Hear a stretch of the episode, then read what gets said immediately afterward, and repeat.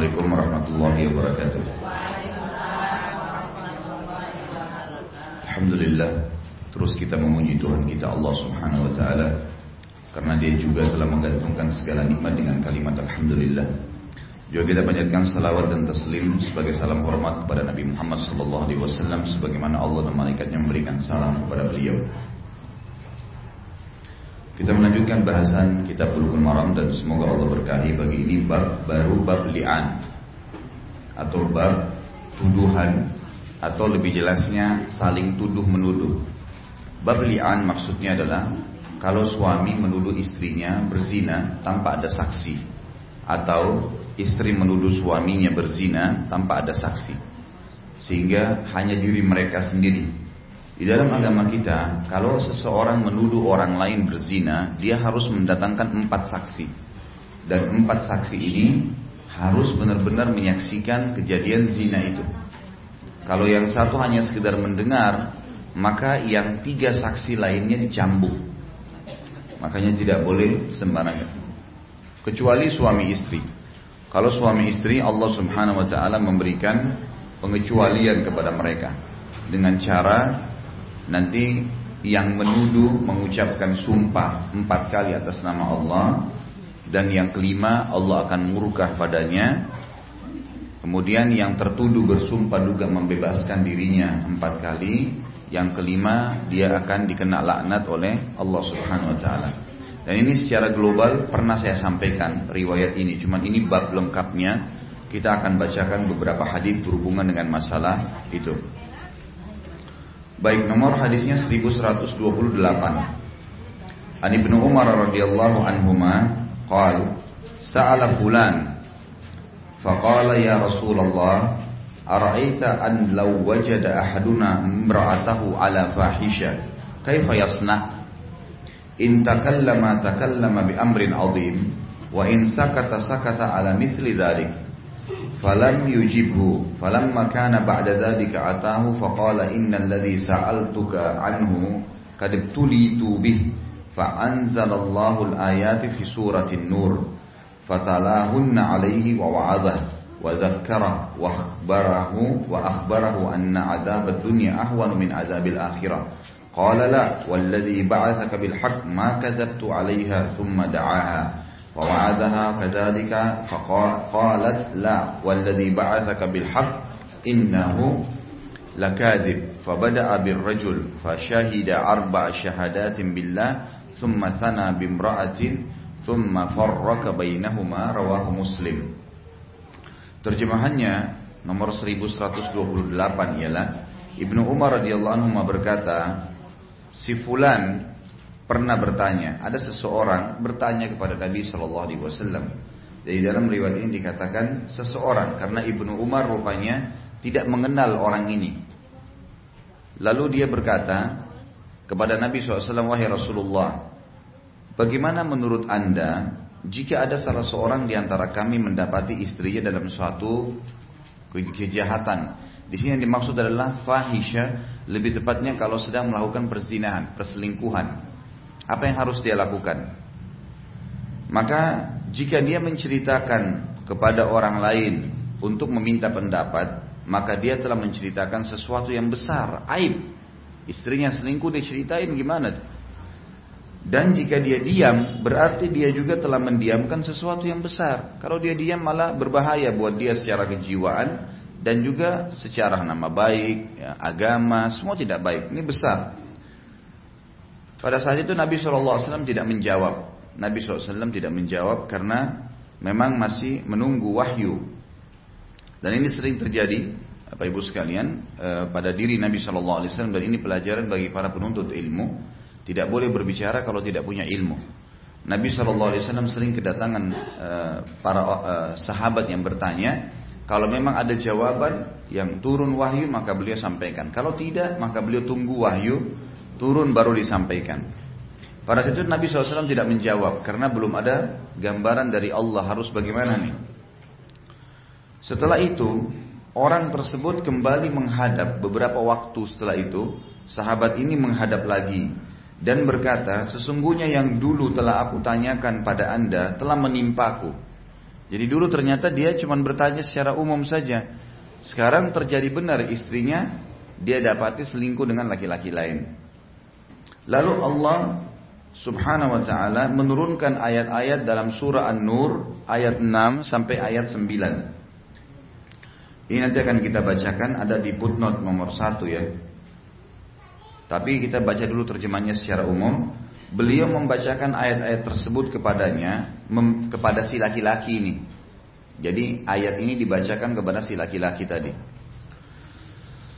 Memberinya nasihat mengingatkannya dan memberitahukan kepadanya bahwa azab dunia lebih ringan daripada azab akhirat. Maksudnya hai suami, kalau kau dusta, salah kamu menuduh nih, hati-hati.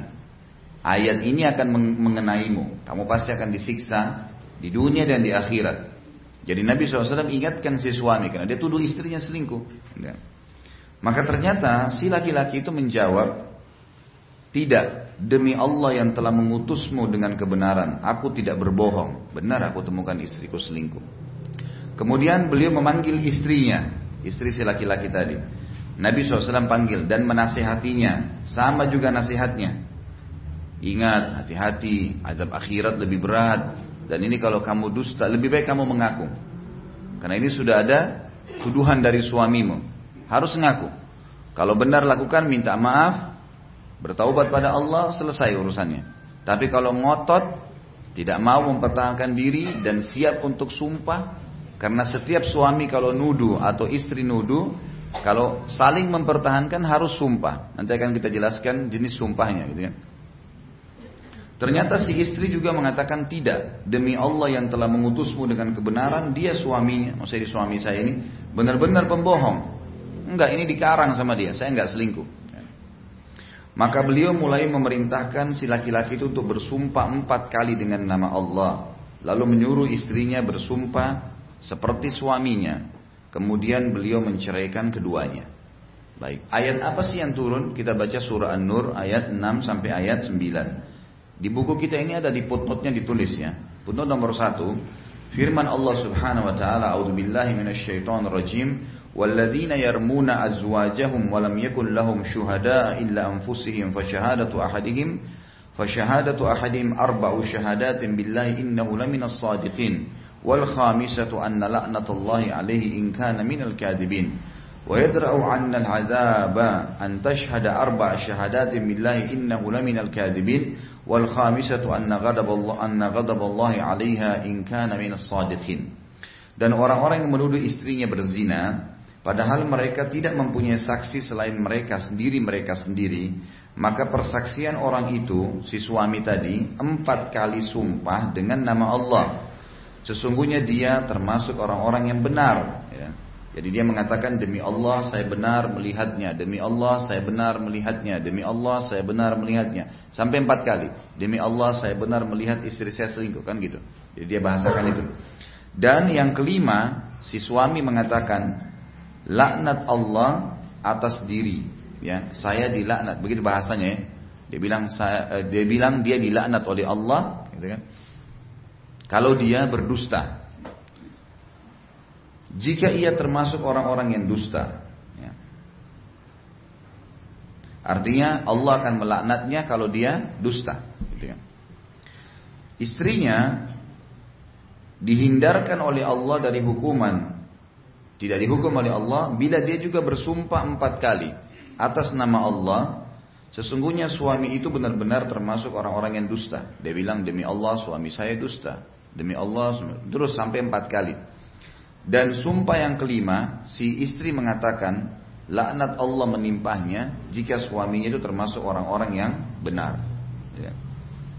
Perlu saya jelaskan di bab tolak perceraian dulu pernah kita jelaskan ada perceraian ya, Tiga macam ya. Empat macam perceraian. Ada cerai raj'i, torak raj'i. Yang laki-laki cuma mengucapkan saya ceraikan kamu sampai dua kali. Ini masih bisa kembali. Ada namanya tolak bayin. Setelah lebih dari, setelah tiga kali mengucapkan tidak boleh lagi kembali kecuali perempuan nikah lagi sama laki-laki lain dan terjadi perceraian normal ya, ribut sama suami keduanya baru terbuka pintu untuk kembali kepada mantan suami pertama. Yang ketiga, cerai yang terjadi sementara karena murtadnya si laki-laki.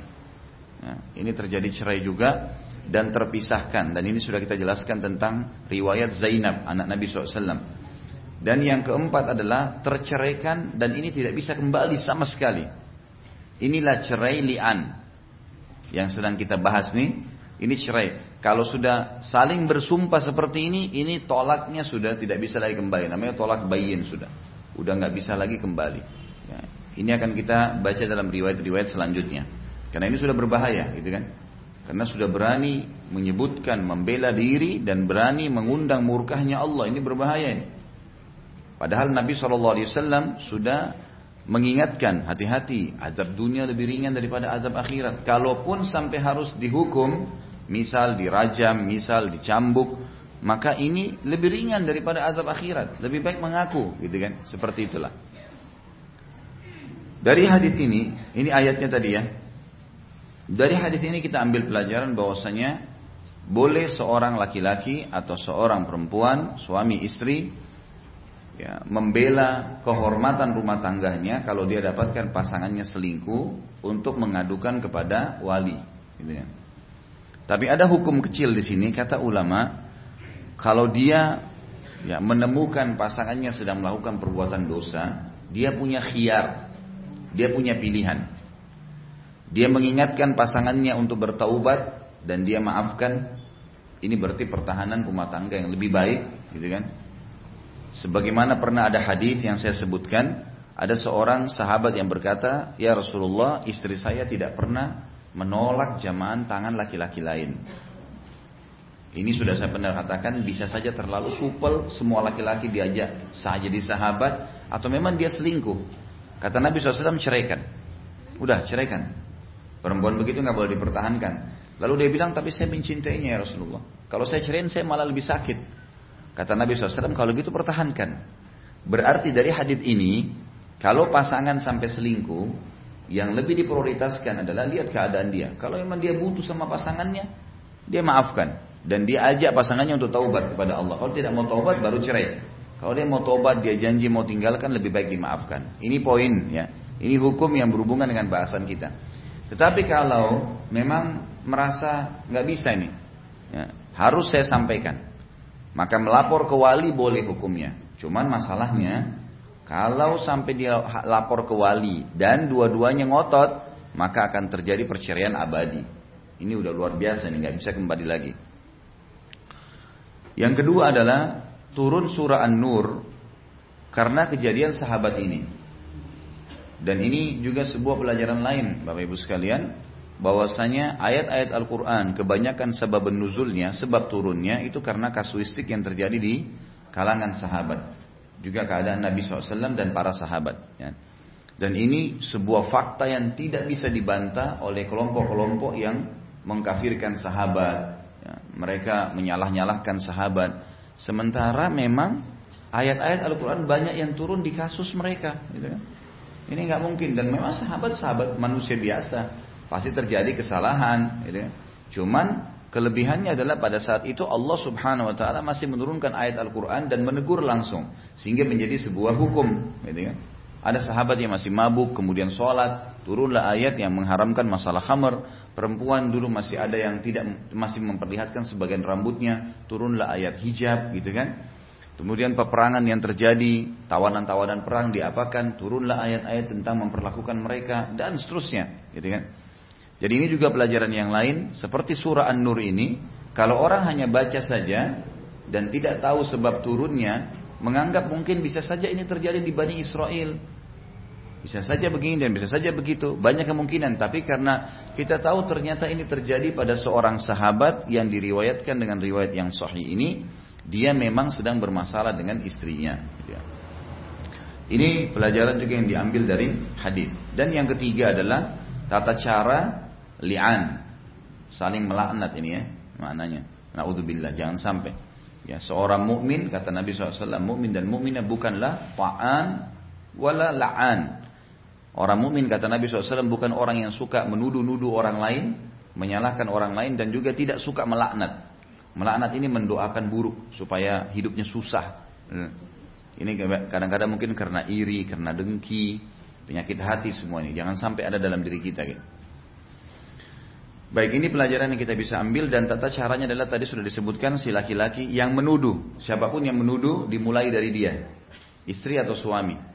Kemudian dia bersumpah empat kali atas nama Allah. Kalau betul dia melihat pasangannya selingkuh. Berzina. Kemudian yang kelima Allah melaknat Allah. Allah murka padanya kalau dia dusta. Kemudian yang tertuduh bersumpah juga empat kali membela dirinya mengatakan memang pasangan saya bohong, pasangan saya bohong sampai empat kali.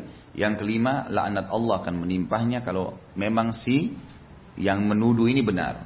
Ini cara li'an. Dan ini yang benar dalam agama kita ya. Jadi tidak ada sumpah pocong. Ya. Ya, karena di Indonesia dipakai sumpah pocong tuh kalau ada selingkuh kan. Dipakein kain kafan, dibacain surah yasin. Ini tidak pernah ada dalam syariat kita. Tapi yang ada adalah li'an. Baik hadis selanjutnya hadis 1129 ini masih bab yang sama. Wa anhu radhiyallahu anhuma ini Abdullah bin Umar ya. Makanya bahasa Arabnya radhiyallahu anhu ditambah mim ditambah ma radhiyallahu anhuma.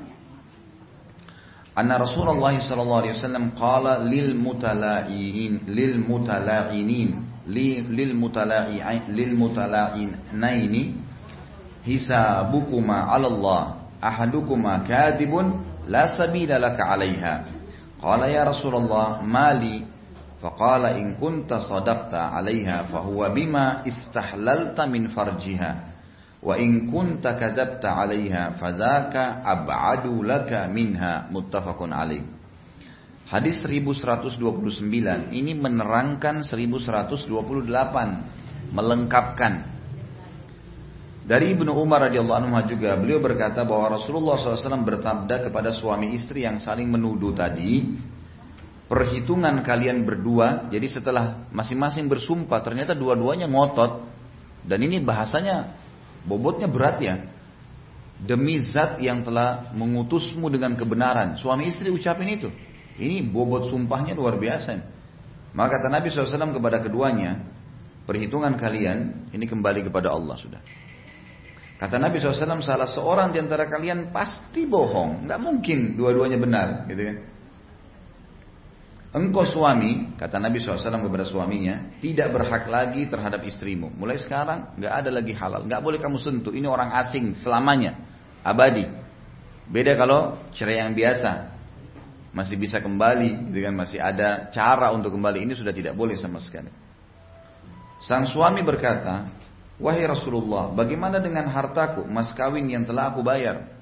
Maka kata Nabi SAW, jika tuduhanmu benar terhadapnya, kamu yang benar dan istrimu salah, maka ia telah menghalalkan kehormatannya untukmu. Kamu sudah menggaulinya.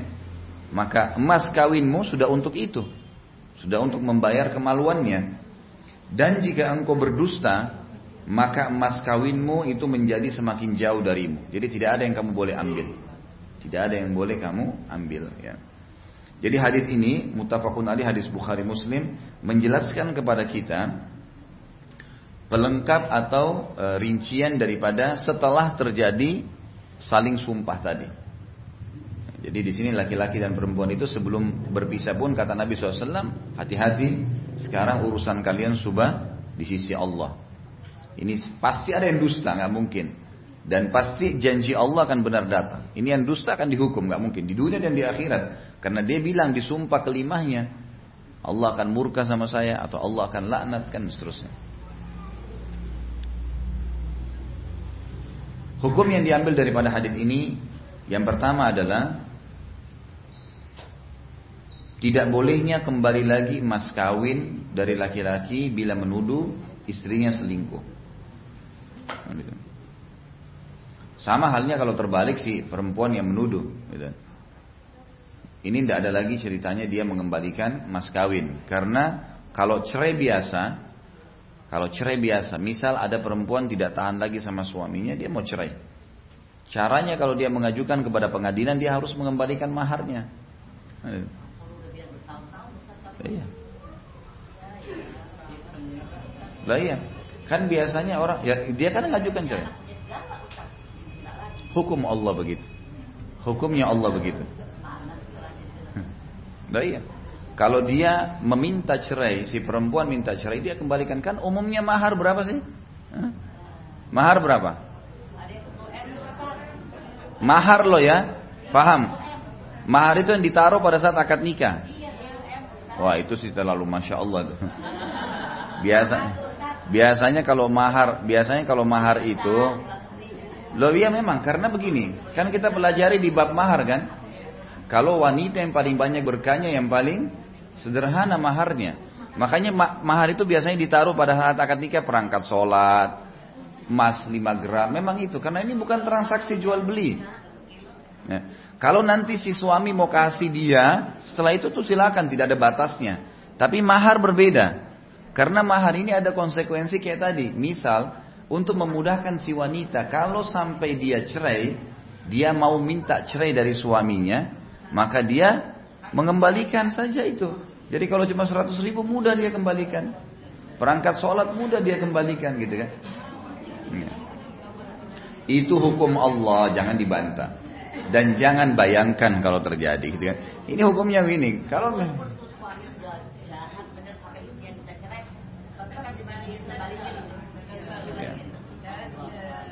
Iya. Dia kembalikan mahar itu. Tapi kalau laki-laki yang menceraikan tidak ada pengembalian mahar. Kecuali dia belum per ya, kecuali dia belum pernah disentuh. Kalau misal ada laki-laki sama perempuan baru akad nikah, setelah masuk di ruangan mungkin ada ketidakcocokan. Dia ceraikan sebelum disentuh perempuan, maka ini ada pembagian mahar. Ya, bisa ada pendapat ulama setengah atau dikembalikan semua. Ya. Tenang ibu-ibu, tenang, tenang. Ini. Enggak, ini bukan masalah suami minta atau tidak minta. Ini hukum syar'i.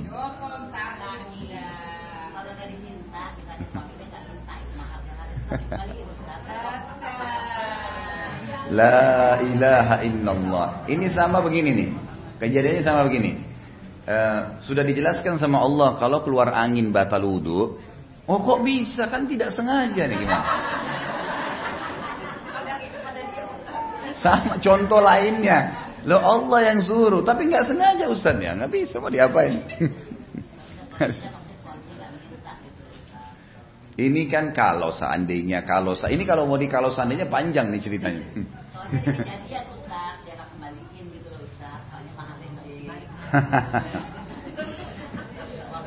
ya pokoknya hukum syari'inya begitu. Dan kalau ada person-person yang terjadi ya itu kasustik ya. Itu dilihat permasalahannya. Karena orang juga cerai harus ada permasalahan-permasalahan terjadi ya. Permasalahan-permasalahan terjadi. Yang jelas hukum syar'i seperti itu. Tapi kalau si suami yang ceraikan itu lain. Suami yang ceraikan itu lain. Baik kita sedang bahas masalah li'an nih. Yang jelas di sini laki-laki tidak punya hak untuk mengambil maharnya kalau dia menuduh istrinya gitu kan? Ini hukum syar'i yang kedua yang kedua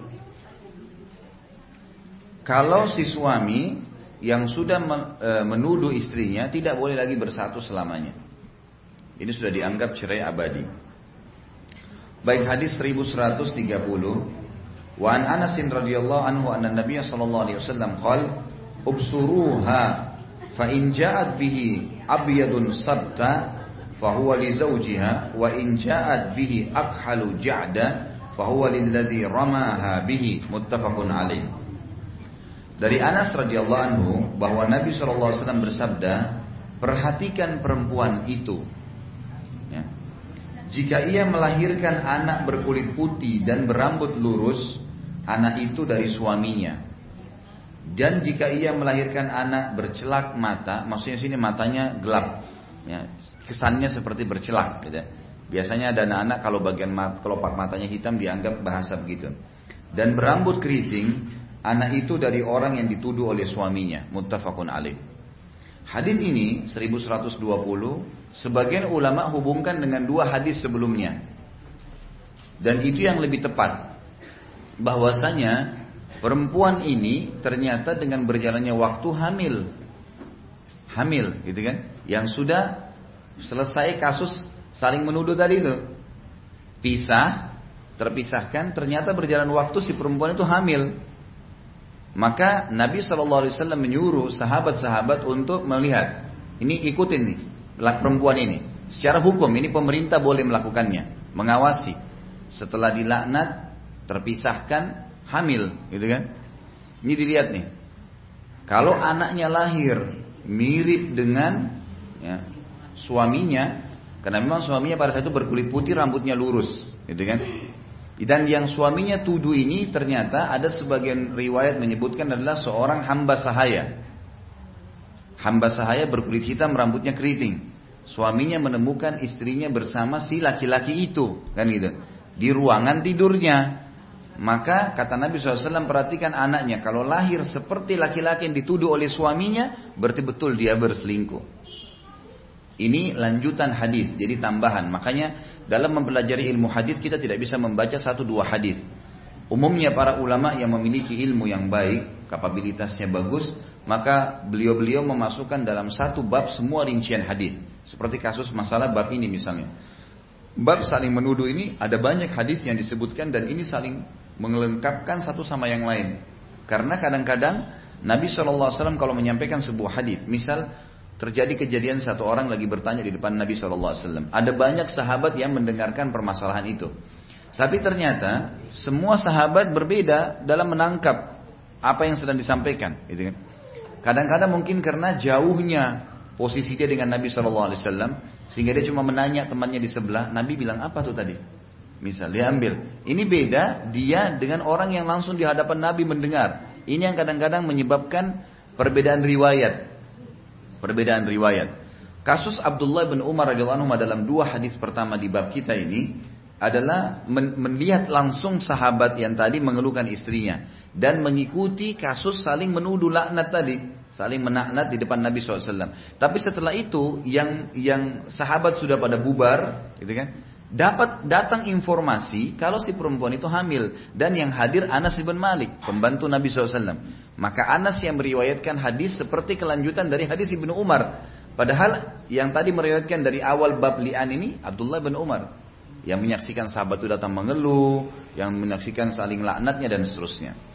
Hadis ini memberikan pelajaran kepada kita, kalau misal ini tentu hak pemerintah, karena Nabi SAW dianggap pada saat itu adalah nabi, raja, ya pemerintah yang menentukan keputusan. Maka pemerintah setempat tidak boleh membiarkan kalau ada kasus seperti ini. Mereka harus mengkelirkannya supaya tidak terulang. Kalau orang yang sudah saling laknat kemudian pergi begitu saja, tidak di follow up, tidak diikutin kasusnya, maka bisa saja nanti semua orang mengulanginya. Dan itu pasti akan diperlihatkan oleh Allah siapa siapa yang salah. Maka di sini Anas bin Malik menyampaikan kepada Nabi SAW tentang kejadian perempuan itu ternyata hamil ya Rasulullah. Bagaimana sekarang menanggapi kasus kelanjutannya nih? Kata Nabi SAW, perhatikan nanti pada saat dia melahirkan. Karena dia tidak mungkin menggugurkan. Pada zaman dulu tidak mudah wanita menggugurkan, bukan seperti sekarang ya sangat sulit ya pada saat itu dan itu akan e, berhadapan dengan kematian si wanita itu kalau menggugurkan bayi zaman dulu tidak seperti sekarang mungkin orang sudah menggunakan beragam macam cara. Tapi zaman dulu tuh nggak mudah untuk itu. Makanya Nabi SAW suruh mengikuti dia. Kalau lahir anaknya seperti suaminya berkulit putih rambutnya lurus berarti sudah benar. Berarti suaminya yang salah. Tapi kalau keriting dan berkulit hitam seperti yang dituduh oleh suaminya pada budak hamba sahaya tadi maka yang terjadi adalah berarti suaminya yang benar. Dan ini memang e, di zaman dulu karena ada hamba sahaya dan umumnya hamba sahaya kalau laki-laki ini berkulit hitam dari wilayah Afrika, maka sering kali wanita-wanita selingkuh dengan laki-laki seperti ini. Gitu. Seringkali mereka selingkuh karena e, budak ini bisa diperjualbelikan, dibeli sama mereka di pasar dan perempuan boleh beli budak, gitu? Mereka boleh membeli budak dalam hukum syari dibolehkan. Dia dia beli budak untuk dia bebasin atau dia jadikan pekerjanya. Jadi banyak wanita-wanita seperti misalnya tuannya Atta bin Nabi Rabah. Atta bin Nabi Rabah seorang ulama besar di Mekah ya. Itu kulitnya kulit hitam pekat beliau dari Afrika. Tuannya adalah wanita terhormat dari, dari di, di Mekah dan tidak ada suaminya sudah meninggal. Maka dia membeli Atta bin Nabi Rabah di pasar untuk membantu pekerjaan. Dia sudah berumur, dia nggak bisa, maka dia suruh Atta bin Abi Rabah yang bersin rumahnya, yang urus e, peternakannya, gitu dibeli sama dia. Sampai akhirnya Atau bin Abi Rabah ini setiap habis selesai kerja belajar di Masjid Haram dari para ulama, akhirnya hafal Quran, akhirnya hafal hadis. Jadi ulama besar. Jadi sambil dia kerja, banyak orang-orang Mekah yang datang bertanya. Maka tuannya, ya si perempuan ini membebaskan dia. Mengatakan saya bebaskan Atha karena Allah. Jadi biar bermanfaat bagi kaum muslimin. Dan memang dia ulama besar gitu ya. Nah karena budak-budak ini diperjualbelikan maka sering kali mereka e, berselingkuh dengan tuan-tuan wanitanya. Ini yang sering terjadi pada zaman dulu. Makanya e, di sini banyak persepsi para ulama tapi tidak dijadikan sebagai pegangan karena tidak ada dalil pasti. Ada yang mengatakan memang budak ini ya dibeli oleh si perempuan tanpa izin suaminya. Sehingga suaminya selalu curiga dengan si budak itu. Sampai akhirnya, jadi pada pertanyaan pertama yang muncul, dia bilang ya Rasulullah, bagaimana yang harus apa, apa apa yang harus dilakukan seseorang di antara kami kalau dia dapat istrinya sedang selingkuh. Padahal waktu itu istrinya belum selingkuh kan? Kan begitu tadi hadis yang pertama di bab ini kan. Dia datang beberapa waktu setelah itu, baru dia bilang, ya Rasulullah yang saya tanya kemarin-kemarin itu terjadi pada saya. Ternyata di sini kata sebagian ulama hadis, memang dia sudah curiga sama budak itu. Karena ke mana-mana si istri jalannya selalu ditemani oleh si budak itu. Misal ke pasar, misal ke mana gitu kan. Bahkan kalau ratu-ratu di zaman dulu tuh bisa punya budak 100 orang. Jadi itu jadi kayak bodyguardnya membela ke mana-mana pergi. Ada yang bertakwa sama Allah, ada yang memang tidak benar, gitu kan? Ada yang tidak benar. Bahkan sering dinukil ada pernah kisah ratu-ratu dalam kisah-kisah kerajaan itu mereka berselingkuh dengan para budak-budak ini. Baik, itu kasus dan hukum yang terjadi. Tidak usah dibayangkan. Ini penting. Tidak usah dibayangkan ada budak hitam dan dan dan seterusnya. Itu panjang ceritanya. Baik. Hadis ini memberikan pelajaran kepada kita bahwasanya Pemerintah setempat boleh memerintahkan agar memfollow up orang yang sudah masuk. Ini kan kalau kita sekarang kayak masuk di pengadilan, gitu ya. Maka di follow up, diketahui alamatnya, diketahui keadaannya, sampai akhirnya terbukti apakah dia benar atau suaminya yang benar. Selanjutnya adalah hadis 1131. Wan Ibnu Abbas radhiyallahu anhuma anna Rasulullah sallallahu alaihi wasallam amara rajulan ayyada'a yadahu 'indal khamisati 'ala fi wa qala innaha mujibah rawahu Abu Dawud wan Nasai wa rijaluhu thiqat masih lanjutan bahasan tadi. Ini jadi ada sahabat Nabi yang lain lagi. Abdullah bin Abbas menceritakan juga hadir pada kasus itu tapi dia meriwayatkan dengan uh, apa yang dia lihat pada saat itu Ibnu Abbas berkata bahwa Rasulullah SAW menyuruh seseorang untuk meletakkan tangannya di mulut ya, si laki-laki tadi. Jadi Nabi SAW mengatakan pada saat si laki-laki mau mengatakan yang kelima demi Allah Allah murka kalau saya dusta. Maka sebelum dia ucapkan itu Nabi suruh seorang sahabat taruh tangan kamu di mulutnya. Suruh tahan dulu nih. Dia ucapin itu berbahaya tuh, gitu kan. Ini riwayat Ibnu Abbas. Ibnu Abbas menyaksikan ini. Abdullah bin Umar tadi sama Anas bin Malik tidak meriwayatkan ini. Inilah tadi saya bilang ragamnya sahabat yang menyaksikan kejadian dan ini perlu kita pelajari semuanya. Nanti kita akan bisa simpulkan pada saat terakhir ya, dari bahasan. Rasulullah SAW menyuruh seseorang untuk meletakkan tangannya di mulut si suami tadi pada kali yang kelima dan bersabda, yang kelima ini penentuan. Ini mujibah. Ini hati-hati. Kamu ucapin, kamu yang kena atau istrimu yang kena. Udah nggak mungkin ada yang benar. Karena si laki-laki tadi yang menuduh. Gitu kan? Jadi dia yang di posisi sekarang, memang kalau e, di levelnya, dia level 1, yang tertuduh level 2. Artinya dia sekarang memastikan, memberikan kesaksian, memang saya melihat, kan gitu. Berarti memang ini hati-hati, ini penentuannya di sini. Maka kata Nabi SAW, hati-hati yang kelima ini penentuannya. Riwayat Abu Daud dan Nasai dan perawinya semua dapat dipercaya. Di sini berarti pelajaran yang kita bisa ambil, kalau betul terjadi, insya Allah tidak, ada terjadi, seorang uh, suami istri saling menuduh seperti ini, maka yang kelimahnya bagi yang menuduh, bukan yang tertuduh ya. Bagi yang menuduh, itu dianjurkan untuk diingatkan kembali sebelum sumpah yang kelima. Hati-hati, ini penentuan. Sumpah pasti terjadi. Ini hukum yang diambil dari hadis yang kita baru pelajari 1131.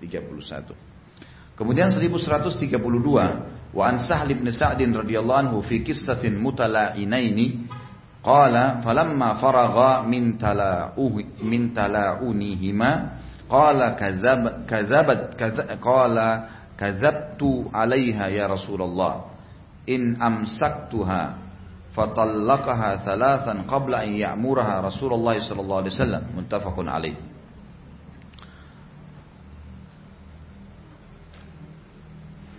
Dari Sahal ibn Sa'ad radhiyallahu anhu itu yang tulisan diperbaikin ya. Sahal ibnu itu ganti dengan bin. Ini sudah sering saya bilang. Kalau nama itu dalam bahasa Arab misalnya Ahmad bin Muhammad, kalau satu baris ditulis Ahmad bin Muhammad. Kalau dia pindah nama ayahnya di baris kedua, misal Ahmad, terus yang bisa ditulis hanya binnya saja, nama ayahnya Muhammad di bawah maka diganti bin jadi ibnu. Penulisan bahasa Arabnya memang begitu. Atau nama si anak dihilangkan, nama ayah disebutkan, maka dikatakan ibnu. Seperti misalnya Abdullah ibn Umar, ditulis ibnu Umar, gitu kan? Jadi kalau penulisan bahasa sebenarnya ini keliru ini. Kalau dikatakan dalam bahasa Indonesia atau dalam diterjemahkan bahasa Arab, Sahal ibnu ini salah. Mestinya Sahal bin. Ya. Sahal bin Sa'ad radhiyallahu anhu menyampaikan tentang kisah suami istri yang saling menuduh. Ia berkata, Ketika keduanya telah selesai saling menuduh, sang suami berkata, "Aku bohong wahai Rasulullah. Jika aku menahannya." Lalu Nabi SAW menceraikan istri tiga kali sebelum diperintahkan Rasulullah Sallallahu Alaihi Wasallam. Ya. Hadis ini muttafaqun alaih. Untuk lebih jelasnya kita baca footnote-nya, footnote nomor satu. Diriwayatkan dalam Sahihain, Sahihain berarti riwayat Bukhari dan Muslim. Ya.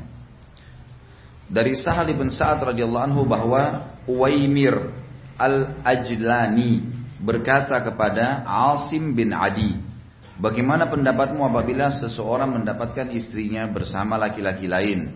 Apakah ia boleh membunuhnya? Lalu kalian semua membunuh juga? Ya.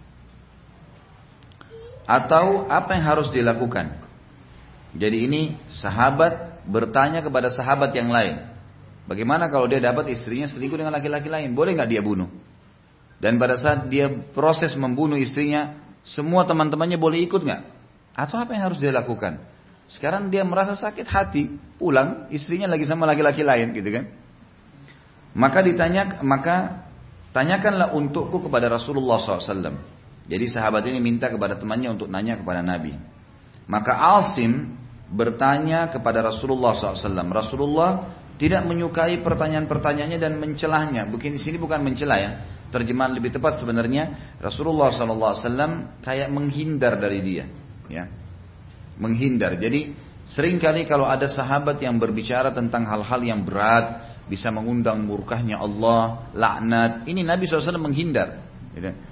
Jadi pernah ada sahabat yang datang mengatakan, Ya Rasulullah, saya berzina rajamlah saya. Dia merasa bersalah sekali, gitu kan?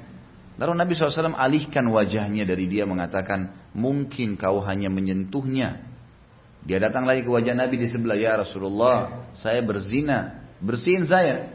Nabi alihkan lagi wajahnya, kata Nabi, mungkin kau hanya menciumnya. Nabi coba, pulanglah kamu taubat. Gitu. Jadi bukan berarti hudud itu begitu eh, begitu datang mengaku langsung dirajam, enggak yang di, yang dikasih hukum langsung itu kalau kedapatan lagi praktek. Jadi kalau orang misal dukun lagi praktek kedapatan digrebek, nah itu harus dipenggal udah. Tapi kalau dukun taubat, baru dia datang dia mengatakan misalnya kepada Nabi SAW misal dia mengatakan saya taubat ya eh, saya pernah jadi dukun ya. Nama Nabi di, disuruh pergi nih, suruh pulang taubat deh gitu. Jadi seperti itu orang yang kedapatan lagi berzina maka itu hukuman langsung mutlak.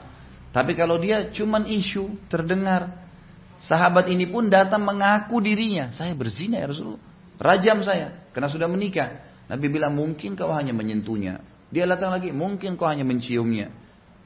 Sampai terakhir dikatakan ya Rasulullah saya berzina. Kata Nabi SAW, mungkin kau hanya memeluknya. Terus Nabi alihkan dia. Kata para ulama hadis supaya dia pulang taubat sudah. Tapi ternyata dia datang lagi keempat kali mengatakan, Ya Rasulullah, saya meletakkan kemaluan saya di kemaluannya. Dia pastikan kalau dia berzina dan saya terganggu dengan ini. Rajam saya. Maka Nabi SAW pun akhirnya mendirikan hukum padanya. Ini sekaligus juga membantah Bapak Ibu sekalian pernyataan para orientalis yang mengatakan Islam itu hukumnya keras. Masa orang selingkuh dalam rumah tangga harus dirajam? Padahal sebenarnya rajam ini juga pada kasus orang yang ketahuan, kedapatan lagi melakukan. Kalau tidak, nggak bisa. Orang yang menuduh orang lain berzina harus datangkan empat saksi dan empat saksi harus tempat yang sama, kejadian yang sama. Kalau ada yang lihat, misal dua saksi menyampaikan zinanya hari Selasa di satu tempat A, kemudian dua lagi saksi zinanya di tempat B, ya hari Rabu, ini nggak boleh, nggak diterima. Bahkan yang jadi saksi dicambuk dalam Islam. Artinya apa? Ini bukan sembarangan main dihukum, main dicambuk, main ini nggak bisa. Kalau kedapatan praktek iya, kalau enggak maka butuh. Ini juga kalau suami datang menuduh istrinya ada hukum lagi. Suruh sumpah dulu, diingatkan dulu, disampaikan dulu. Jadi nggak gampang. Artinya memang hukum itu terakhir sekali. Hukum kisos yang terjadi adalah terakhir, puncaknya. Maka di sini dikatakan Asim bertanya kepada Rasulullah SAW dan Rasulullah tidak menyukai pertanyaannya ya Rasulullah. Bagaimana kalau ada laki-laki pulang ke rumahnya dapat suami istrinya selingkuh? Ini kalau, bagaimana kalau terjadi? Enggak terjadi kan? Maka Nabi nggak suka pertanyaan seperti ini. Jangan kamu tanya gitu. Ini yang dimaksud dengan Nabi SAW tidak menyukai pertanyaan-pertanyaan dan mencelahnya. Maksudnya di sini melarangnya. Sudahlah, jangan nanya yang gitu-gitu. Kalau seandainya, kalau seandainya gitu kan. Sehingga Asim merasa berat mendengar ucapan beliau karena Nabi terus nolak. Kemudian Uwaimir bertanya langsung kepada Rasulullah SAW tentang masalah itu. Orang yang tadi yang menyuruh temannya. Uwaimir menyuruh Asim kan. Asim bertanya Nabi tolak. Lalu Uwaimir bertanya langsung. Maka Rasulullah SAW berkata kepadanya. Allah telah menurunkan firmannya tentang dirimu dan istrimu.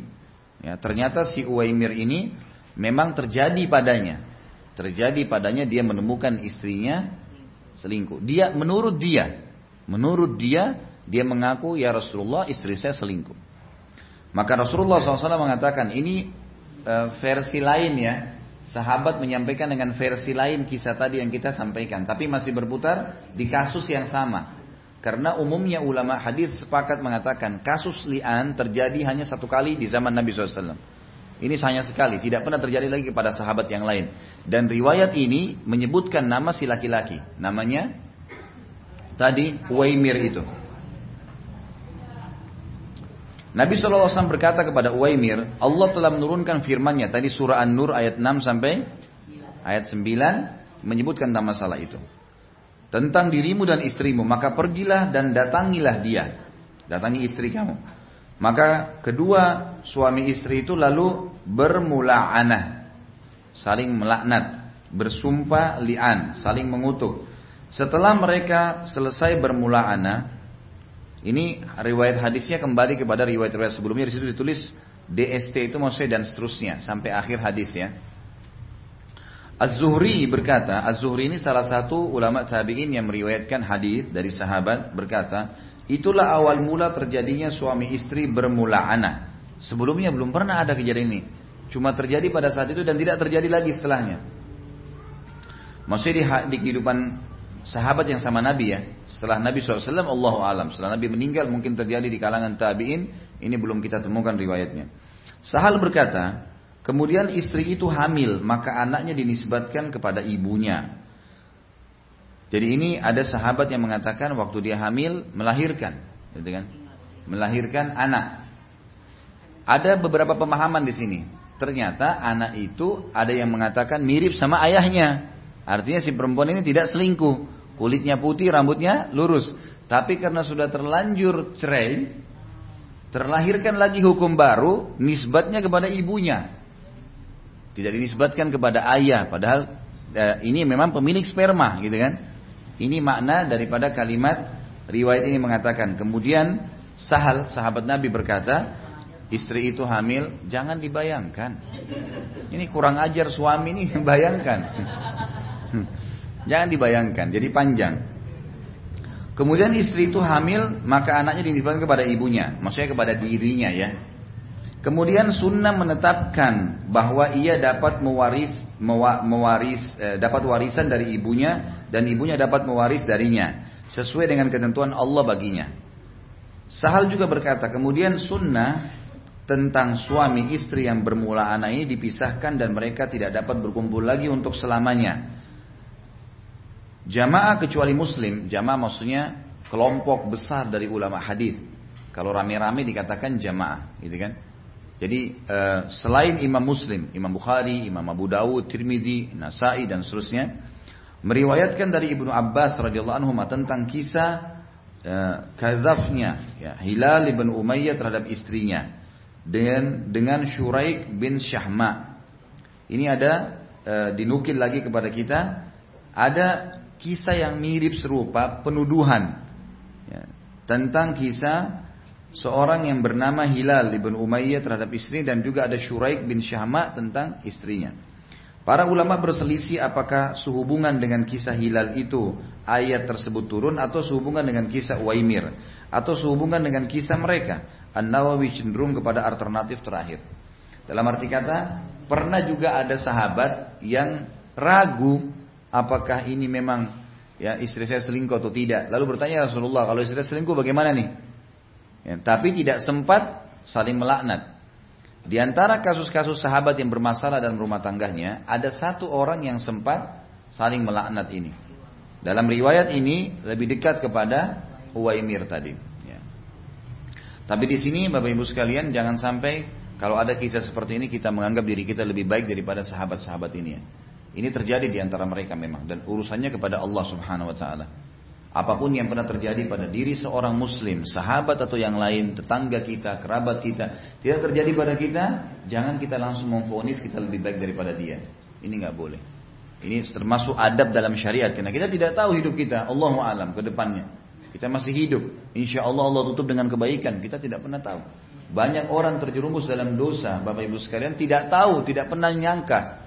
Satu waktu tiba-tiba terjerumus dalam satu keadaan yang memaksa dia maka dia jadi lebih buruk. Itu orang tidak tahu, gitu kan? Jadi harus lebih hati-hati ya. Jadi bukan berarti kita membahas.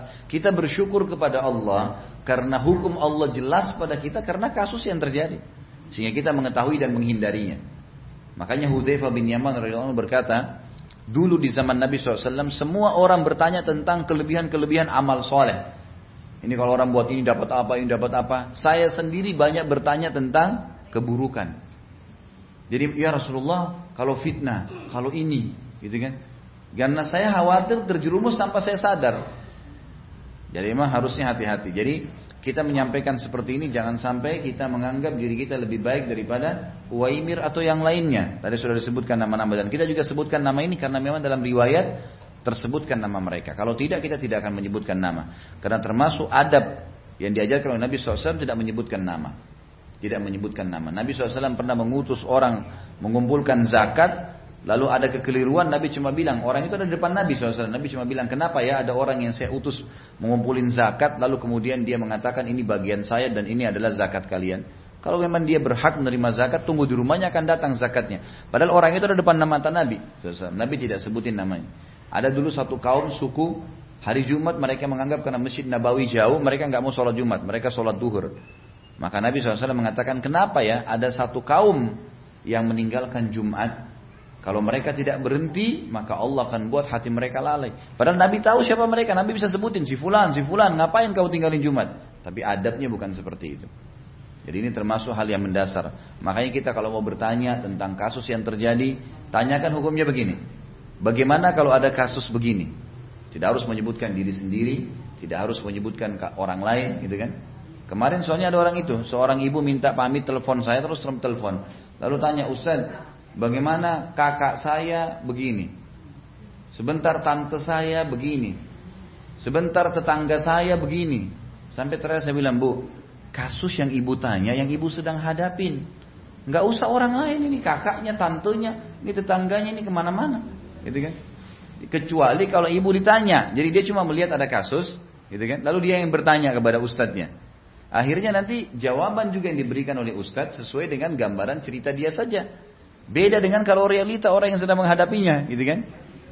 Hadis ini juga menjelaskan kepada kita tentang bagaimana Nabi SAW menjelaskan hukum pada saat si pemilik kasus yang bertanya. Ini juga pelajaran. Kita tidak usah campurin urusan orang lain. Ya. Kita ditanya nggak tahu, maaf saya nggak tahu hukumnya. Silakan tanya ke ustadz atau ustazah. Mungkin mereka ahlinya, gitu kan lebih baik. Jangan kita, oh mungkin menurut saya begini, menurut saya begitu. Apalagi kalau terbawa perasaan ini jadi panjang ceritanya. Gitu. Nanti akhirnya kita bisa membela yang salah, ya, atau malah kita ya menyalahkan orang yang benar. Ini, ini malah mana jadi masalah baru nanti. Baik, ini hadis yang menjelaskan kepada kita. Hadis ini memberikan pelajaran kepada kita bahwasanya ada dari dua tadi suami istri. Kalau kita hubungkan dengan riwayat-riwayat sebelumnya ternyata si suami yang salah. Karena dia mengaku mengatakan ya Rasulullah eh, dia cuma terbawa cemburu gitu kan. Kemudian dan di sini ada beberapa eh, penafsiran yang datang. Kemungkinan besar si budak yang dia sedang tuduh itu memang didapati di dalam rumah misalnya tapi dia tidak melihat perzinahan dia melihat kebersamaan, bukan ini beda ya. La, laknat itu yang boleh lian ini kalau dia lihat perzinahan. Nggak boleh orang spontan langsung nuduh berzina. Sekarang misal gini, saya pernah kasih contoh. Ada seorang perempuan jalan, jatuh di jalan. Kemudian misal tiba-tiba pingsan, sakit. Ada orang lewat laki-laki, nggak ada orang, diangkat perempuan itu. Kalau enggak tergetar di jalan, Dinaikin di mobil dibawa ke rumah sakit. Suaminya lihat. Pas lewat dilihat. Laki-laki asing, istrinya di sebelah lagi baring di kursi. Coba kalau orang pakai akal dia itu berbahaya. Dalam Islam tidak boleh. Kata Allah SWT, Ya ayyuhalladzina amanu in ja'akum fasikum binaba'in fatabayyanu an tusibu qauman bijahalah fatusbihu ala ma fa'altum bihi nadimin. Maaf, itu yang di belakang disampaikan. Sholatnya salah kiblat tuh. Itu bapak lagi sholat salah kiblat. Kiblatnya ke sana. Sampaikan pak, sampaikan. Tidak apa-apa. Sementara dia sholat bilang kiblatnya keliru tuh, lawan arah. Sampai mana tadi?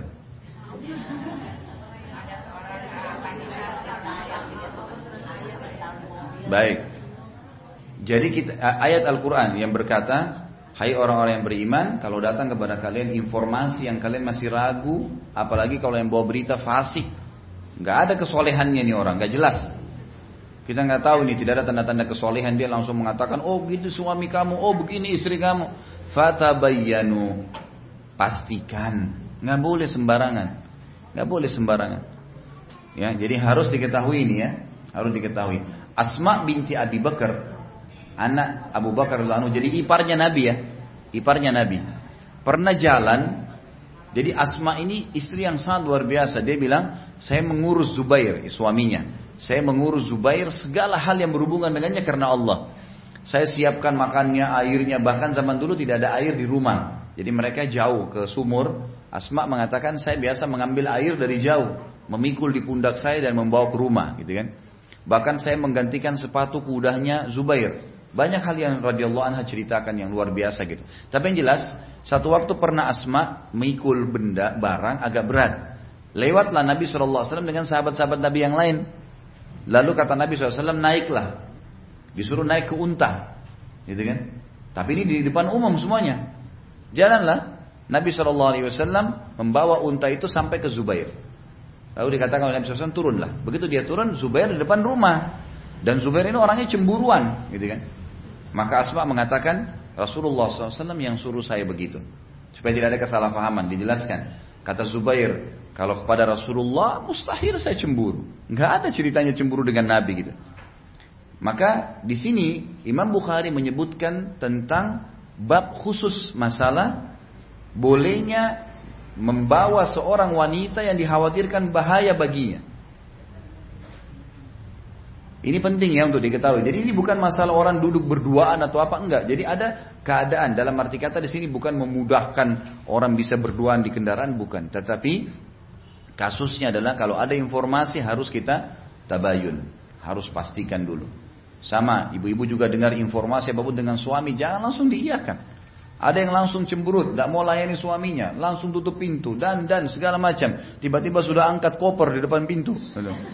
Ini Padahal belum tabayun, suaminya pulang capek-capek. Apa kamu ini? Pokoknya saya ceraikan saya, pulang. Apa ini? Informasi apa yang sampai? Ini harus tabayun. Duduk, tenang. Walaupun mungkin kejiwaan sedikit ada gangguan, tapi kita tenang. Bahasakan baik-baik, tanya. gitu kan?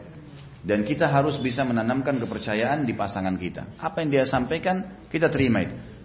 Insya Allah dengan niat yang baik Allah akan berikan petunjuk gitu kan. Mestinya seperti itu. Ini pelajaran-pelajaran yang bisa kita ambil daripada hadis kita. Baik, pada saat itu disebutkan dalam hadis ini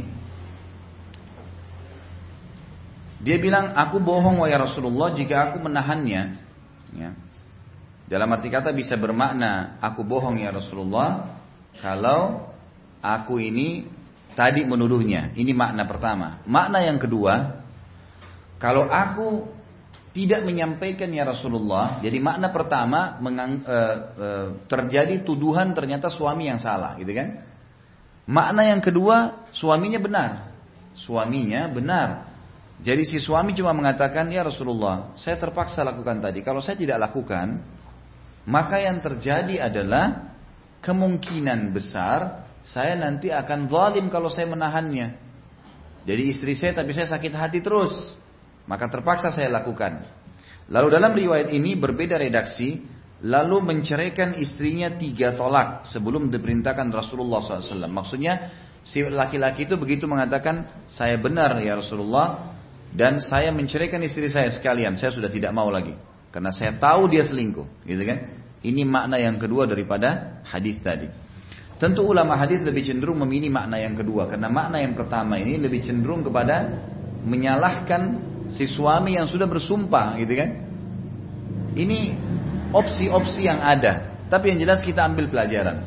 Pelajarannya adalah bab li'an saling menuduh dibolehkan dalam Islam tapi dianjurkan untuk menutupi, memaafkan, menasihatin, tapi kalau darurat boleh melakukannya. Itu pun setelah tabayun.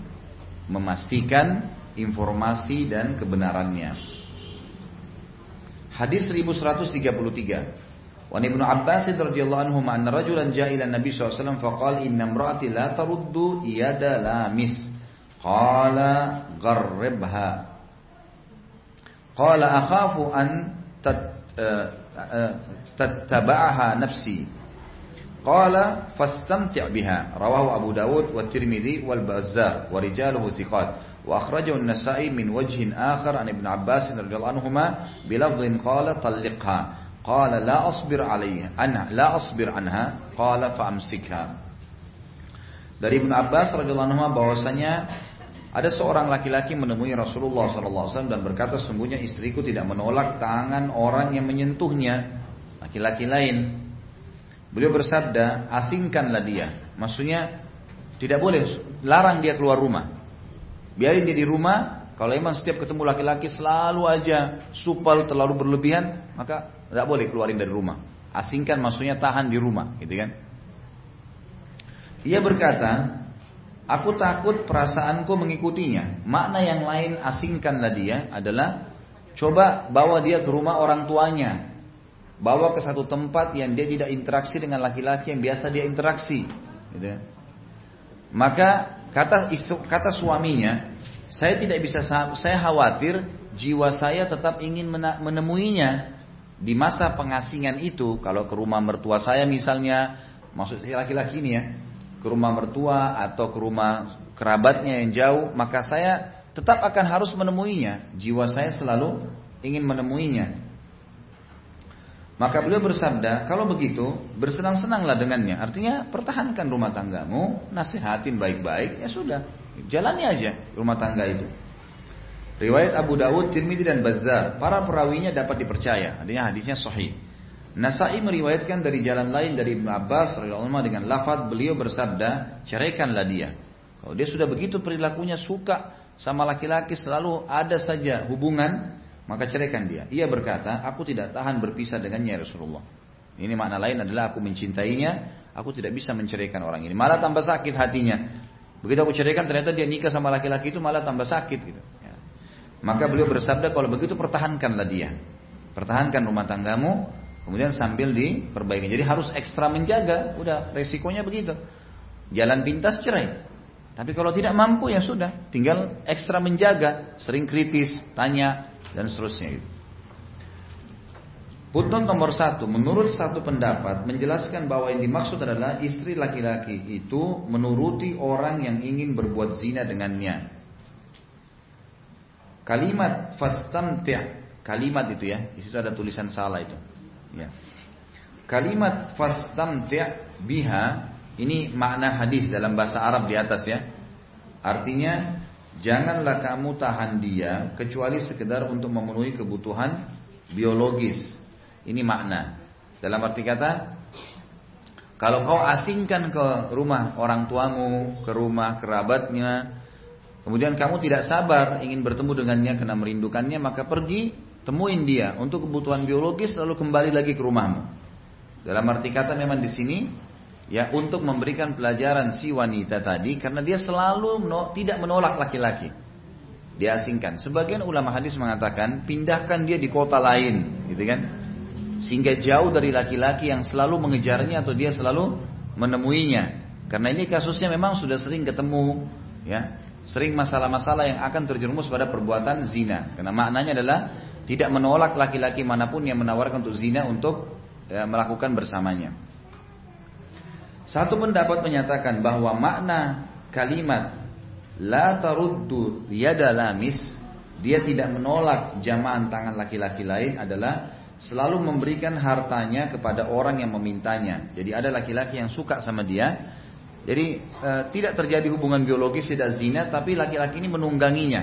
Selalu meminta harta, meminta harta dan suaminya tahu, gitu kan? Maka dia lapor kepada Nabi SAW. Maka Nabi SAW suruh asingkan istrinya, pindahkan dari tempat jauh dari laki-laki itu. Pendapat ini ada relevansinya juga, bisa bermakna dengan hadis ini. Ahmad berkata, Imam Ahmad rahimahullah, tidak mungkin Rasulullah SAW menyuruh agar laki-laki itu menahan wanita lacur Ali dan Ibnu Mas'ud radhiyallahu anhu majma'in berkata, apabila datang kepadamu hadis dari Rasulullah SAW maka fahamilah dengan pemahaman yang lebih mendekatkan kepada hidayah dan takwa.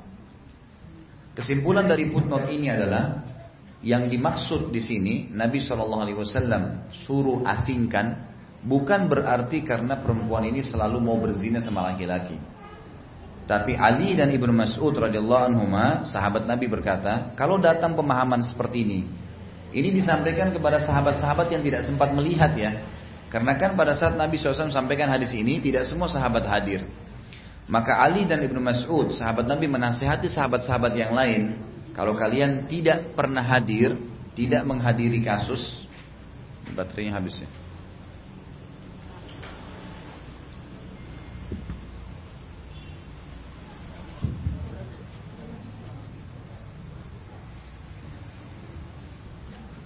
Kalau kalian tidak menghadiri kasus yang sedang terjadi, maka usahakan memahami hadis Nabi yang lebih dekat kepada hidayah. Maksudnya adalah daripada kalian mengira perempuan ini memang selalu berzina, tidak menolak ya, setiap laki-laki aja berzina, ini kan berarti seperti perempuan ini pelacur sebenarnya. Tidak mungkin Nabi suruh tahan wanita begini, pasti Nabi suruh ceraikan mutlak udah, gitu kan. Jadi bisa maknanya adalah mungkin dia memang setiap ada laki-laki yang menegur, dia mengiyakan. Dan lebih dekat makna tadi adalah wanita ini punya kemampuan harta lalu ditunggangi oleh laki-laki yang mungkin dia kagumin untuk minta-minta harta. Dan dia tidak bisa menolaknya, dia memberi. Dan ini makna menurut Ibnu Mas'ud dan Ali lebih dekat. Masalah tidak menolak untuk memberikan harta kepada laki-laki yang sedang dia sukai atau dia kagumin. Ya, seperti itu maknanya. Jadi hadis ini memberikan pelajaran kepada kita. Yang pertama adalah bolehnya seseorang mengeluhkan pasangannya kepada seorang alim. Dia sampaikan. Jadi kalau ada masalah rumah tangga, Bapak Ibu sekalian, jangan pernah keluhkan kepada umumnya orang, apalagi teman-teman yang tidak paham agama. Ini nggak boleh. Menyampaikan permasalahan hukum syar'i untuk mengetahui ini boleh atau tidak hanya kepada ahlinya, nggak boleh. Kalau dalam bahasan saya yang Pernah saya sampaikan mungkin di rumah Ibu Dina yang 12 pilar dulu, 10 pilar mempertahankan rumah tangga ya. Sekarang uh, saya sudah tambahkan dengan 5 poin lain. Tapi yang jelas salah satu pilar yang sangat kokoh bagi rumah tangga jangan libatkan orang ketiga kecuali orang alim. Ini nggak boleh. Bahkan sampai orang tua kita sendiri pun kalau beliau tidak bijaksana jangan libatkan. Jangan ajak diskusi ibu atau ayah yang langsung sudah nak cerai aja, sudah nak begini aja. Ini nggak boleh diajak musyawarah nih. Akhirnya kita bilang, oh karena ibu saya sudah bilang jadi saya harus cerai. Ini nggak benerin, nggak boleh. Tidak boleh kecuali seorang alim memang benar-benar faham hukum Allah, dia dia menuntun. Allah mengajarkan begini. Pernah terjadi pada sahabat begini. Rasulullah bersabda begini. Lakukanlah ini. Itu baru benar. Dia tidak ada maslahat dan kepentingan di situ. Ini penting. Ya.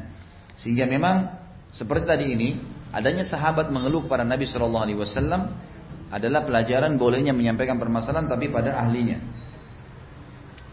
Kemudian yang kedua adalah kalau terjadi, kalau terjadi si istri tadi kasus ini dalam makna yang kedua pun yang paling ringan adalah yang tadi dia tidak menolak memberikan harta atau mungkin sekarang maaf ya seringnya menerima telepon semua laki-laki. Ada subhanallah sebagian perempuan maaf ini Biar depan suaminya main terima telepon teman-temannya dulu teman SMP, teman SMA. Ini enggak, aku cuma teman ngobrol apalah panjang lebar. Suaminya duduk nongkrong sendirian. Ini nggak boleh nih. Bagaimana bisa? Ya. Sama halnya pada laki-laki, dia nggak boleh sembarangan main terima telepon perempuan, hanya ngomong kosong. Ini nggak boleh. Nggak sama sekali. Nggak ah, yang jawab yang penting. Ada sesuatu yang penting. Maaf, saya si fulan karena saya ada ini. Saya mau jelaskan ini. Baik. Silakan, gitu kan? Bahkan lebih baik adabnya, adabnya lebih baik kalau ada seorang laki-laki yang telepon ke ibu, ibu berikan kepada suami. Silakan bicara sama suami saya ya, kasih. Itu lebih baik. Sama halnya laki-laki pada saat ditelepon oleh perempuan, maaf, silakan terangkan ke istri saya, kasih istri. Itu jauh lebih aman, gitu kan? Sehingga tidak terjadi pintu-pintu fitnah di sini. Kecuali dalam keadaan tadi saya bilang seorang alim ulama ini berbeda. Karena alim ulama memang dalam hukum syari dibolehkan dia menerima keluh kesah masyarakat. Laki-laki atau perempuan untuk memecahkan permasalahan mereka secara hukum syari. Tapi ini pun tidak boleh sembarangan Bapak Ibu sekalian. Karena banyak sekali saya dengarkan kasus-kasus, maaf ini ustadz-ustadz yang cuma gelar begitu saja. Ya. Akhirnya seorang ibu ngeluh sama dia, curhat, akhirnya jadi masalah malah zina. Ini malah bahaya nih. Ini ini berarti tidak benar, bukan tempat untuk menyampaikan permasalahan. Yang benar itu, ini bu ya, hukumnya begini, begini. Baik bu ya, sudah jelas, assalamualaikum. Udah, jelas, to the point. Hal-hal yang penting saja. Tidak perlu tanya kabar ini tinggal di mana, apalah segala ini apa ceritanya nih gitu kan. Jadi nggak perlu. Ini sama diambil dari pelajaran hadis tadi. Kalau ada pasangan terjadi seperti ini, maka cara mengobatinya secara sunnah Nabi tadi adalah memberhentikan atau membatasi hubungan yang terjadi. Kalau dia mau bercerai itu urusan dia, tapi kalau dia mau mempertahankan maka caranya adalah membatasi tadi hubungan itu, baik dengan cara pengasingan, pindah tempat dan seterusnya, gitu kan? Jujur juga sebagian ulama mengatakan boleh kalau kita merasa seseorang mengganggu rumah tangga kita, kita melaporkan kepada pihak pemerintah. Kalau sudah sampai pada tingkat dia berbahaya sekali, ya jelas ini tidak boleh ada celah secara syar'i dan berbahaya, maka boleh dilaporkan kepada pihak setempat untuk dibantu gitu kan? Baik pihak keluarga pihak sahabat diberitahukan agar bisa membantu menyelesaikan permasalahan itu. Selanjutnya hadis 1134 jadi ada tinggal dua hadis di bab kita ya. An Ibnu An Abu Hurairah anhu annahu sami'a Rasulullah sallallahu alaihi wasallam yaqul حين نزلت آية المتلاعنين أيما امرأة أدخلت على قوم من ليس منهم فليست من الله في شيء ولم يدخلها الله الجنة وأيما رجل جهد ولده وهو ينظر إليه احتجب الله عنه وفضحه الله على رؤوس الأولين والآخرين. أخرجه أبو داود والنسائي وابن ماجه Wasahahu Ibnu Hibban. Wan Umar radhiyallahu anhu qal man aqarra biwaladihi bi, biwaladihi. Ini keliru ini.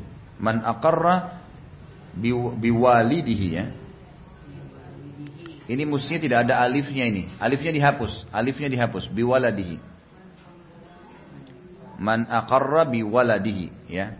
Alifnya dihapus tarfata ain falaysa lahu an yanfihi akhrajahu al-Baihaqi wa huwa hasanun mauquf. Dari Abu Hurairah anhu bahwa Nabi bahwa dia mendengar Rasulullah SAW bersabda ketika turun ayat tentang orang yang saling menuduh suami istri, siapa pun wanita, Nabi SAW bersabda, Siapa pun wanita yang memasukkan laki-laki yang bukan dari golongannya. Di sini makna terjemahan golongan kurang tepat ya. Maksudnya di sini adalah yang mahram ya, mahramnya. Ia tidak berharga sedikit pun di sisi Allah dan Allah tidak akan memasukkannya ke dalam surganya. Jadi kalau ada yang bukan mahram, ya, dia masukkan ke tempat yang dia khusus sendiri, misal kamar tidur, ya, Tempat-tempat yang memang dia bahaya, bisa kena fitnah. Begitu kelihatan oleh suami jadi masalah. Maka ini berarti kata Nabi Shallallahu Alaihi Wasallam, ia tidak berharga di mata Allah wanita ini. Tidak boleh, gitu kan? Dia harus tahu Allah maha melihat dan Allah tidak akan masukkan dia ke dalam surganya kalau dia sering ulang-ulangin nih, gitu kan? Dan siapa pun laki-laki yang tidak mengakui anaknya, padahal ia tahu bahwa itu adalah anaknya, Allah akan menutup rahmat darinya dan mempermalukannya di hadapan pimpinan orang-orang terdahulu dan yang akan datang. Jadi kalau ada laki-laki tuduh istrinya kamu selingkuh. Ini anaknya jelas, istrinya nggak selingkuh dituduh sama dia. Lalu dia tidak mau akui anaknya, pokoknya saya tidak mau akui ini bukan anak saya. Ini, ini biasa was-was syaitan ya. Akhirnya mengacaukan rumah tangga tersebut. Ya.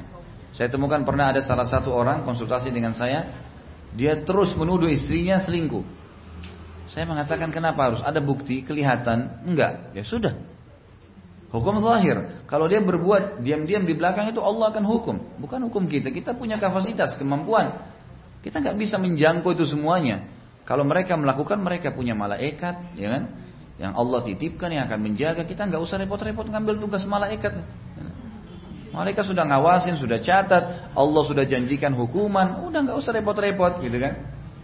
Tetap aja, tapi saya nggak tenang, tapi saya begini.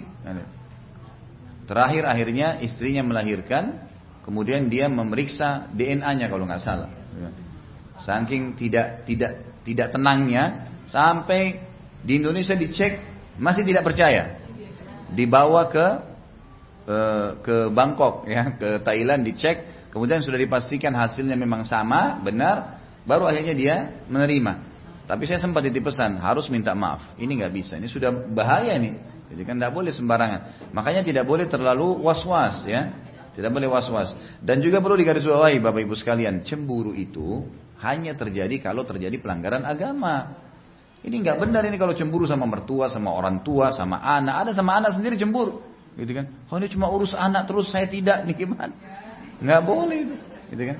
Ada biasa suami bilang gitu sama istrinya. Ada juga istri yang bilang, ini kalau sama anak perhatiannya luar biasa sama saya kurang. Gitu.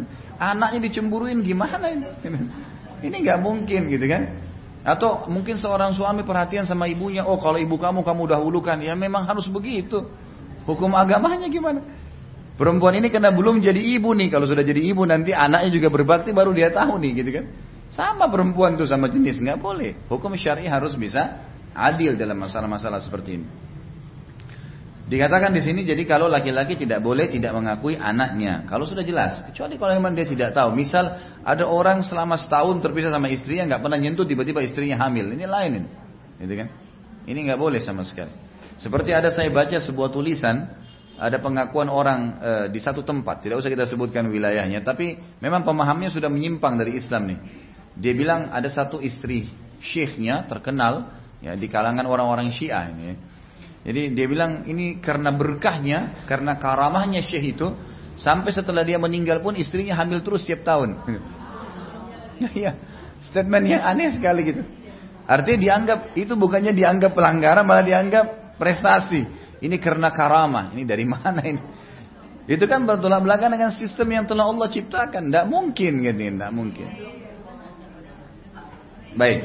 Ini diriwayatkan oleh Imam Abu Daud, Nasai dan Ibnu Majah, hadis sahih menurut Ibnu Hibban.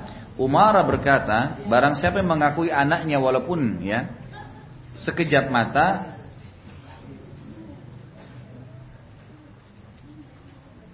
maka tidak ada hak baginya untuk mencabutnya. Riwayat Baihaqi. Ini hadis maukuf ya. Ada tambahan riwayat yang disebutkan oleh Umar berkata, siapa yang sudah mengatakan pada saat istrinya hamil, oh ini anak saya, lahir, dia tahu ini anaknya. Tidak boleh lagi dia mengatakan, dia nanya-nanya, kamu selingkuh nggak pada saat sudah nikah sama saya? Sehingga anak ini mungkin bukan anak saya, ini nggak boleh. Islam tidak boleh, yang tidak dibolehkan. Kita cuma disuruh menghakimi sesuatu secara zahir yang kelihatan saja. Selebihnya jangan dikorek-korek. Itu urusannya Allah sudah, gitu kan? Kalau Allah mau kita pecahkan, pasti Allah bongkar kepada kita tuh. Nanti kita baru pecahin. Kalau enggak, jangan. Baik, hadis terakhir dalam bab kita ini adalah hadis nomor 1135.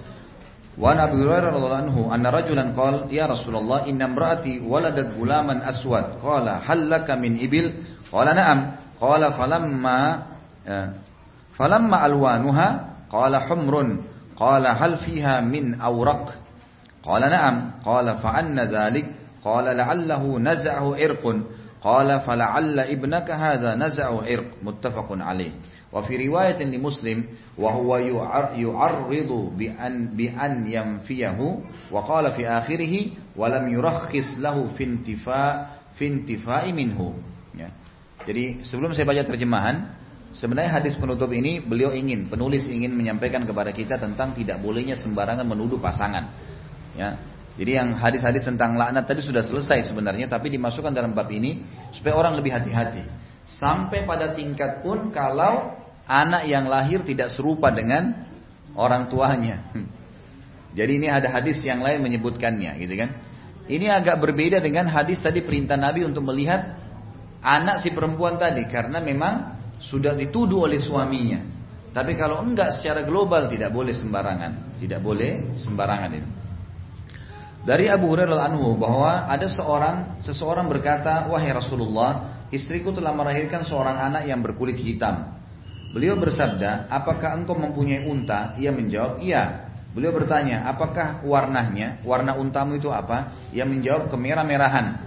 Beliau bertanya, adakah yang berwarna abu-abu? Ia menjawab, iya. Beliau bertanya, dari mana bisa seperti itu? Kenapa tidak semua unta sama warnanya? Ia menjawab, mungkin ditarik keturunannya. Maksudnya, dari jalur keturunannya. Beliau bersabda, barang barangkali anakmu juga tertarik dari keturunan, garis keturunan. Muttafaqun alaih hadis riwayat Bukhari Muslim dalam riwayat Imam Muslim dikatakan dia menginginkan tidak mengakuinya. Di akhir hadis dikatakan beliau tidak mengizinkan orang itu mengingkari anaknya. Jadi sebenarnya si laki-laki yang sedang datang ini dia tidak mau ngakuin anaknya, kasusnya itu. Maka Nabi SAW melarangnya dan memberikan penjelasan kepadanya. Makna riwayat yang lain, ada makna hadis ini dan didatangkan dalam riwayat yang lain adalah Seseorang datang mengatakan ya Rasulullah, saya berkulit putih, istri saya putih, anak saya keluar hitam. Eh, gimana bisa? Gimana ceritanya ini? Gitu kan? Ya. Maka Nabi saw mengatakan, apa kau punya unta? Dia bilang iya. Berpasangan nggak? Berpasangan, jantan sama betina. Ada anak-anaknya nggak? Ada. Apakah anak-anaknya sama dengan warna orang tuanya? Unta-unta itu? Dia bilang tidak ya Rasulullah. Bahkan ada di antara unta itu yang warna kulitnya gelap, bulunya gelap, kulitnya gelap. Kata Nabi SAW, kok bisa terjadi? Kenapa tidak sama seperti warna orang tuanya semua? Orang itu menjawab karena dia punya peternakan unta dan dia faham. Dia bilang mungkin ini dari kakek-kakeknya. Dari jalur kakek-kakeknya unta itu dulu. Kata Nabi SAW, anakmu seperti unta itu. Nah, itu. Artinya bisa saja. Makanya kita sering temukan ada ibu eh, suami istri ya anaknya lahir beda wajahnya. Beda wajah beda poster tubuh beda warna kulit bisa terjadi. Ternyata dari jalur orang-orang tuanya. Dan saya pernah jelaskan di awal-awal bab pernikahan pernah kita bahas kalau semua e, fisik itu warna kulit paras wajah rambut ya itu semua turun dari jalur ayah. Ayahnya si perempuan ayahnya si laki-laki jadi jalur ayahnya itu semua secara fisik warna kulit paras wajah dan seterusnya Eh, karakter dan sifat dari keluarga ibu. Jadi memang jalur ayah inilah yang menentukan itu. Dan kita sudah tahu juga kalau sperma itu yang dimiliki oleh laki-laki sudah ditemukan dengan penelitian terakhir di setiap tetes sperma bisa diketahui warna matanya anak bayi nanti itu, rambutnya, bahkan karakter-karakternya, gitu kan? Bisa sudah ditahu secara ilmiah seperti sekarang. Sementara sel telur perempuan hanya menampung nanti dan menjadi kantong yang bisa untuk menampung bayi. Tapi bayi itu asalnya dari sperma tadi itu, gitu ya. Jadi akhirnya bisa jelas ya dari awal tentang apa yang hukum syar'i jelaskan kepada kita. Allahu a'lam. Baik, sampai sini ada yang mau bertanya? Tidak ada. Alhamdulillah kalau tidak ada. Gak ada yang bertanya? bagus, alhamdulillah kalau begitu. Artinya sudah sudah pinter, ya. Saya bukan. Oh, alhamdulillah, penjelasannya sudah jelas. Tapi perasaan tadi ada saja yang nyeletuk nyeletuk gitu. Ya. Baik, kita berdoa kepada Allah Subhanahu wa taala semoga majelis kita yang diberkahi oleh Allah, semua ilmu yang kita pelajari bermanfaat, diterapkan dalam kehidupan, kita ambil pelajaran darinya dan menjadi tambahan amal kita di timbangan hari kiamat nantinya. Semoga semua yang sakit disembuhkan penyakitnya, semua yang punya masalah diangkat permasalahannya, semua yang belum memiliki keturunan dimudahkan memilikinya, anak-anaknya yang mengganggu, nakal, semua menjadi diubah menjadi orang anak-anak yang soleh dan soleha. Juga semoga seluruh saudara kita di Palestina, di Syria, di Yaman, di Irak, di Myanmar diberikan kemenangan oleh Allah Subhanahu wa taala. Diikhlaskan niat mereka, dikokohkan telapak kaki mereka, diterima para syuhada mereka serta Allah partisipasikan kita bersama mereka di pahala baik dengan doa, dengan hati juga dengan jiwa kita. Dan sebagai penutup, semoga Allah Subhanahu wa taala menyatukan kita semua di surga firdosnya tanpa hisab. Di mana ia satukan kita di majelis ilmu yang mulia ini. Kalau ada benar dari Allah pastinya itu. Kalau ada salah dari saya karena kebodohan dan kebetulan batasan ilmu saya mohon dimaafkan. Subhanakallahumma wa bihamdika asyhadu an la ilaha illa anta astaghfiruka wa atubu ilaik wassalamualaikum warahmatullahi wabarakatuh